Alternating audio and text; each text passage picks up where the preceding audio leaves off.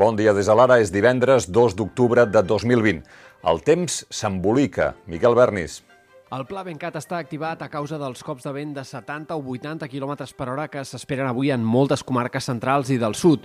Una tongada de ruixats que passarà ràpid farà ploure en general al migdia. El cap de setmana serà clarament més fred fins al punt que aquesta nit tornarà a nevar fins als 1.300 metres al Pirineu.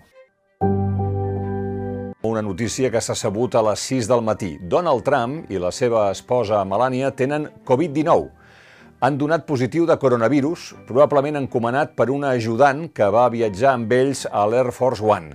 Trump té 74 anys i encara que fos asimptomàtic hauria de retirar-se de la campanya durant un període de temps que no se sap. Mentrestant, situació crítica a les UCI de Madrid. El principal sindicat de metges de Madrid diu que la situació és crítica, ens hi estem jugant vides tots els llits d'UCI ja estan ocupats per pacients amb coronavirus i el que vingui a partir d'ara anirà en detriment de l'activitat normal dels hospitals. De fet, mirin aquesta gràfica, la ratlla vermella són els hospitals públics, la blava el total d'hospitals i la verda els privats. Doncs bé, a l'agost les UCI madrilenyes estaven al 10%, dimarts passat al 121%. Mentrestant, la recalcitrant Díaz Ayuso va dir que complirà l'ordre del govern espanyol, però Esta comunidad no está en rebeldía, este gobierno no está en rebeldía y cumplirá todas las órdenes de manera estricta porque no somos como sus socios independentistas. Ahora, eso sí, iremos a los tribunales nuevamente, como hicimos con el pase de fase, para defender los intereses legítimos de los madrileños y que las medidas se ajusten a la normativa, a la realidad, que sean objetivas y justas. I nosaltres? Doncs el doctor Argimon va tornar a avisar ahir que l'estabilitat epidemiològica a Catalunya és tensa i que pot capgirar-se, però el cert és que els indicadors estan lluny dels registrats de la Comunitat de Madrid. Girona és la ciutat que registra una incidència acumulada de coronavirus més elevada i Lleida la que té uns valors més baixos. L'Hospitalet de Llobregat és la segona gran ciutat amb més contagis per població, seguida de Santa Coloma de Gramenet, Mataró, Badalona, Reus, Terrassa, Barcelona, Sabadell i Tarragona. I segons ha pogut saber l'ara, el govern enllesteix una modificació excepcional de la normativa que eh, s'aprovarà els pròxims dies, segons la qual les discoteques i les sales de concerts podran obrir amb el públic assegut sota la llicència de sales de concerts, cafè teatre, cafè concert o restaurant musical. L'ús de la pista de ball continuarà prohibits. És una notícia eh, que hem sabut i que publiquem aquest matí. Sobre els efectes secundaris de la pandèmia, s'ha disparat la demanda per viure a la perifèria de Barcelona. Terrassa, Sant Just i Sabadell són les ciutats on més ha crescut el nombre de cerques d'habitatges als buscadors.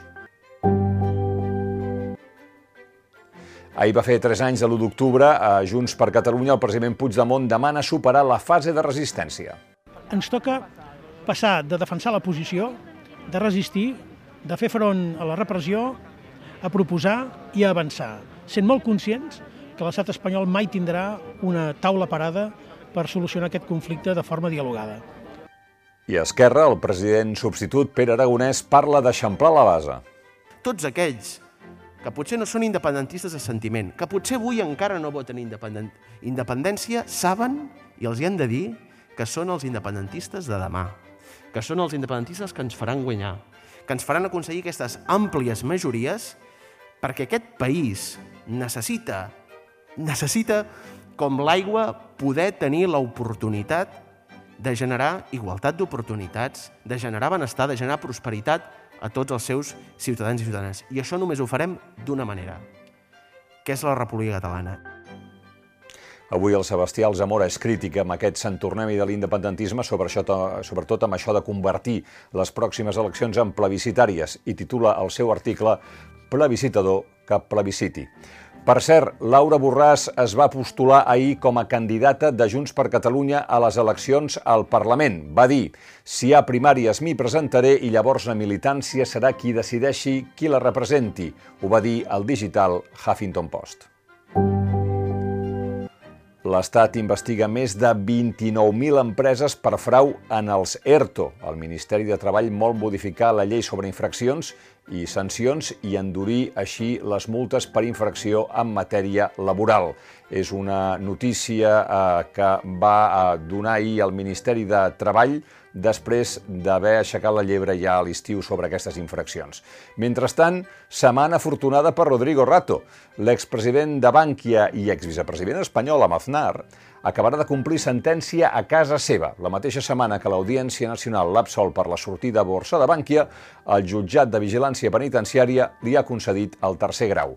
Recordem que Rato va ingressar a la presó fa gairebé dos anys, l'octubre del 18, que estava condemnat 4 anys i mig per l'escàndol de les targetes Black, un sistema que consistia a repartir entre alts càrrecs i consellers de Bànquia targetes de crèdit que permetien als titulars utilitzar-les sense justificar les despeses i sense considerar-les part de la seva renda.